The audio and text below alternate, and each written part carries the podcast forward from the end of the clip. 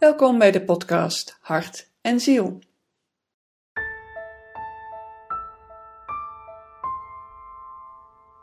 Wat leuk dat je luistert naar deze eerste aflevering van de nieuwe reeks van podcasts, genaamd Hart en Ziel.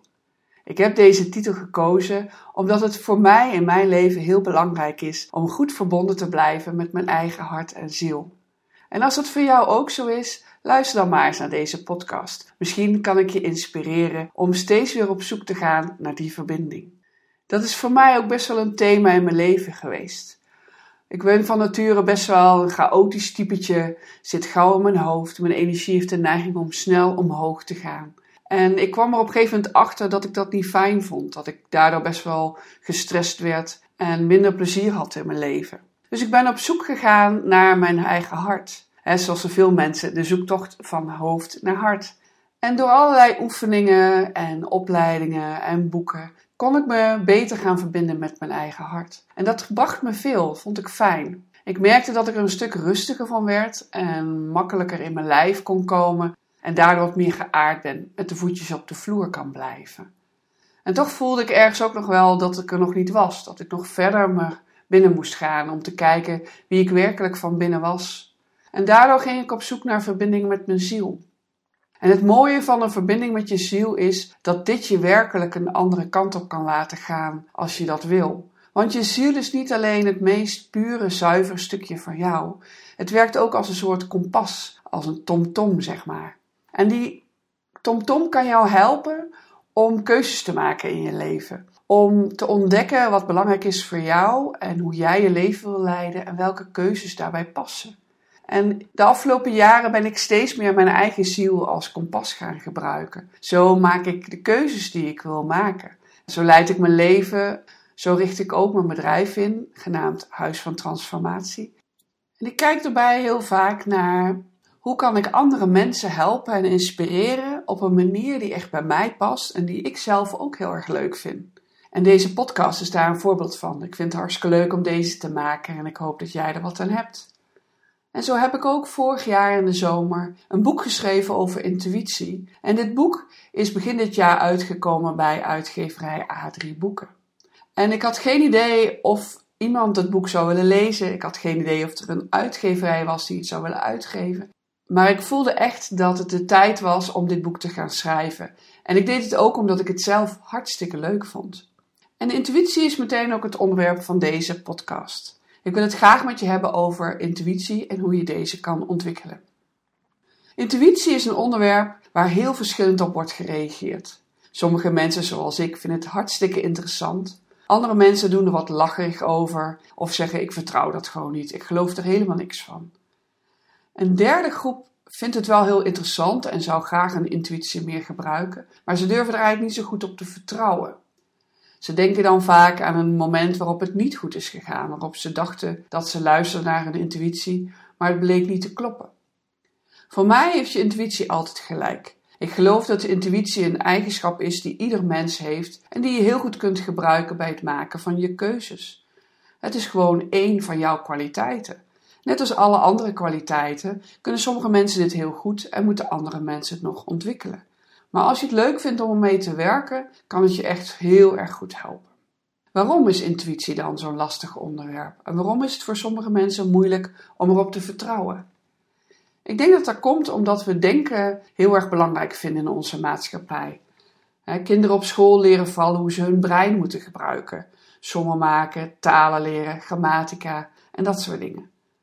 En ook als volwassenen worden we vooral gekozen voor werk en dingen die we doen op basis van onze cognitieve kwaliteit, op basis van hoe slim we zijn en wat we met ons brein kunnen.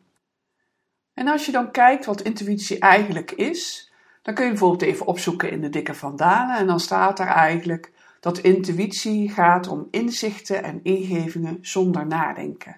En dat is volgens mij waarom we dat vaak zo lastig vinden. We hebben een maatschappij waarin luisteren naar ons brein heel belangrijk is. We hebben een goed ontwikkeld mentaal bewustzijn. En bij intuïtie ga je er eigenlijk omheen. Je gaat het zeg maar niet gebruiken. Want die intuïtie komt zomaar zonder nadenken met inzichten en ingevingen. En luisteren naar je brein is eigenlijk helemaal prima. Ik bedoel, het is een nuttige eigenschap die we hebben. Uh, je kunt er heel veel praktische zaken goed mee regelen. Maar als je te veel gaat luisteren naar het brein, dan kun je gaan tobben en piekeren. En dat geeft stress. Dus je brein is nuttig als je het niet overdrijft en er te veel naar luistert. Je kunt namelijk ook naar andere vormen van bewustzijn luisteren. Zo kun je luisteren naar je lichaam. Dat noem je wel je fysieke bewustzijn. Dat is hartstikke goed om te doen, want je lichaam weet heel goed wat goed is voor jou. zo weet je lichaam wanneer het goed is om te rusten. Of wanneer het beter is om juist even lekker te bewegen. En ook weet je lichaam wat gezond is voor jou om te eten. Dus luister naar je lichaam kan ervoor zorgen dat je je grenzen goed voelt en er niet zo snel overheen gaat. Een derde vorm van bewustzijn is je emotionele bewustzijn. Dan hebben we het over luisteren naar je hart. Dit is wat veel mensen graag willen. Luisteren naar je hart. Leven vanuit je hart. Ik had het er eerder in de podcast ook al even over. En ook dit kan je veel goeds brengen. Je kunt dan goed voelen hoe het met je gaat. Of er nog verdriet is waar je wat aandacht aan moet geven, of boosheid die je beter even kan luchten.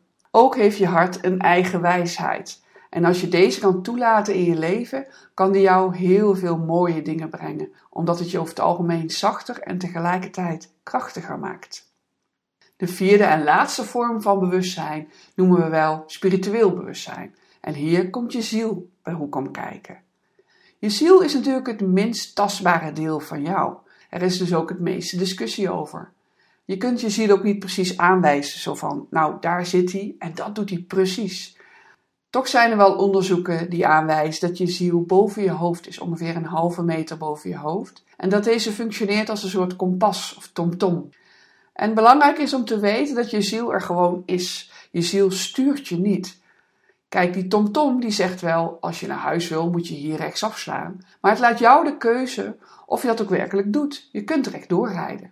Zo werkt het ook met je ziel. Je ziel weet precies wat goed is voor jou en geeft je daarover inzichten en adviezen. Maar aan jou de keuze of je deze opvolgt.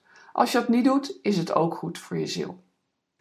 Je ziel heeft een hele zachte stem. Die schreeuwt niet, die duwt geen dingen in je gezicht. Nee, die fluistert geeft subtiele, genuanceerde aanwijzingen. En ook dit maakt het wat moeilijker om ernaar te luisteren. We hebben dus veel aandacht voor ons brein en juist de stem van ons brein is vaak heel aanwezig, heel duidelijk goed te horen. En zeker als je ego nog even om de hoek komt kijken, dan hebben je brein en je ego nogal de neiging op je te mopperen. Paul Smit noemt dat in zijn hele leuke boekje Verlichting voor luie mensen wel de twee muppets die op dat balkon zitten. Je kent ze wel. Waldorf en Stadler. Wat doen ze? Mopperen en zeuren. Nou, jouw brein en je ego kun je daar heel goed mee vergelijken. Die doen het namelijk ook, mopperen en zeuren. Die zeggen altijd dat jij het niet kan, dat jij niet goed genoeg voor bent, dat je het niet waard bent en dat soort dingen. Je ziel geeft je nooit dat soort adviezen. Die wil alleen maar dat het goed gaat met jou. Die geeft je inzichten en adviezen die je werkelijk helpen, vooruit helpen. Dus de adviezen van je ziel zijn een stuk interessanter om naar te luisteren dan die van je brein. Maar omdat het dus zo zachtjes en subtiel gaat, zeker vergeleken met die stem van je ego, heeft het wat oefening nodig om goed te leren luisteren naar die fluisterstem. Ook ik was gewend om naar mijn brein te luisteren. Dus ik ben er echt wel een tijdje mee bezig geweest om goed die stem van mijn intuïtie te leren kennen. En ik ben best wel nuchter en praktisch. En ik ontdekte dat je op een hele nuchtere en praktische manier met je intuïtie om kan gaan. Dat als je het een beetje logisch en praktisch aanpakt, je ook hele logische en praktische inzichten krijgt. Dat veranderde voor mij wel heel erg veel. En dat was ook een belangrijke reden om het boek te gaan schrijven. Ik dacht, als ik het graag nuchter en praktisch aanpak, dan zijn er vast veel meer mensen die dat ook op die manier doen. Je kunt je intuïtie dus gewoon ontwikkelen, er beter in worden. Vergelijk het maar met voetballen. Zelfs de beste voetballer heeft gewoon een coach nodig. En ook de beste zanger heeft een zangleraar om beter te leren zingen. Nou, zo is het ook met intuïtie. Je kunt daar oefeningen voor doen en dan leer je beter daarmee omgaan. Dan leer je beter luisteren naar die stem van je intuïtie. Als je het leuk vindt om je intuïtie te ontwikkelen, zal ik hier alvast een eerste paar handreikingen geven. Intuïtie praat tegen je in een soort taal. En de taal is een taal die bij jou past. Voor mij zijn woorden altijd heel belangrijk geweest. Ik heb altijd graag gelezen. Ik heb natuurlijk ook niet voor niks een boek geschreven. Dus mijn intuïtie geeft mij woorden. Voor mij is het zo dat die woorden als het ware zomaar vloep in mijn hoofd vallen. Ze zijn er zomaar ineens. Ik zei het al, intuïtie is inzicht zonder nadenken. En juist omdat het zo plotseling komt, zonder inleiding, dat maakt dat ik het vaak heel erg goed kan vertrouwen en weet, ah, dit was mijn intuïtie. Andere mensen zijn heel visueel. Als zij hun ogen dicht doen en bijvoorbeeld een visualisatie doen, dan kunnen ze heel goed beelden zien. En bij deze mensen komt intuïtie dan ook vaak via beelden. Die beelden vertellen dan iets over wat jouw ziel jou duidelijk wil maken. Een derde groep die veel voorkomt, is dat intuïtie bij mensen via hun lichaam praat. Dan krijgen ze bepaalde gevoelens in hun lichaam die hun ook wat vertellen. Bekende voorbeelden zijn dat je haartjes in je nek overeind kunnen gaan staan als iets eng is, of dat je een onderbuikgevoel kan krijgen.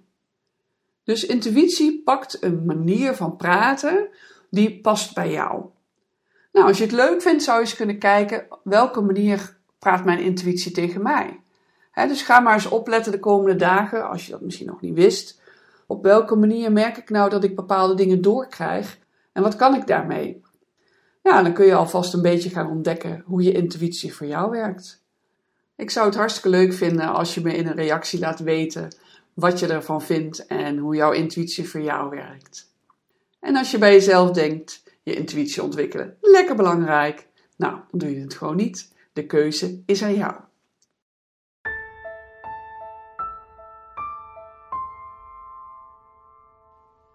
Bedankt voor het luisteren. Mijn naam is Saskia Basten en ga voor meer podcast en inspiratie naar huisvantransformatie.nl.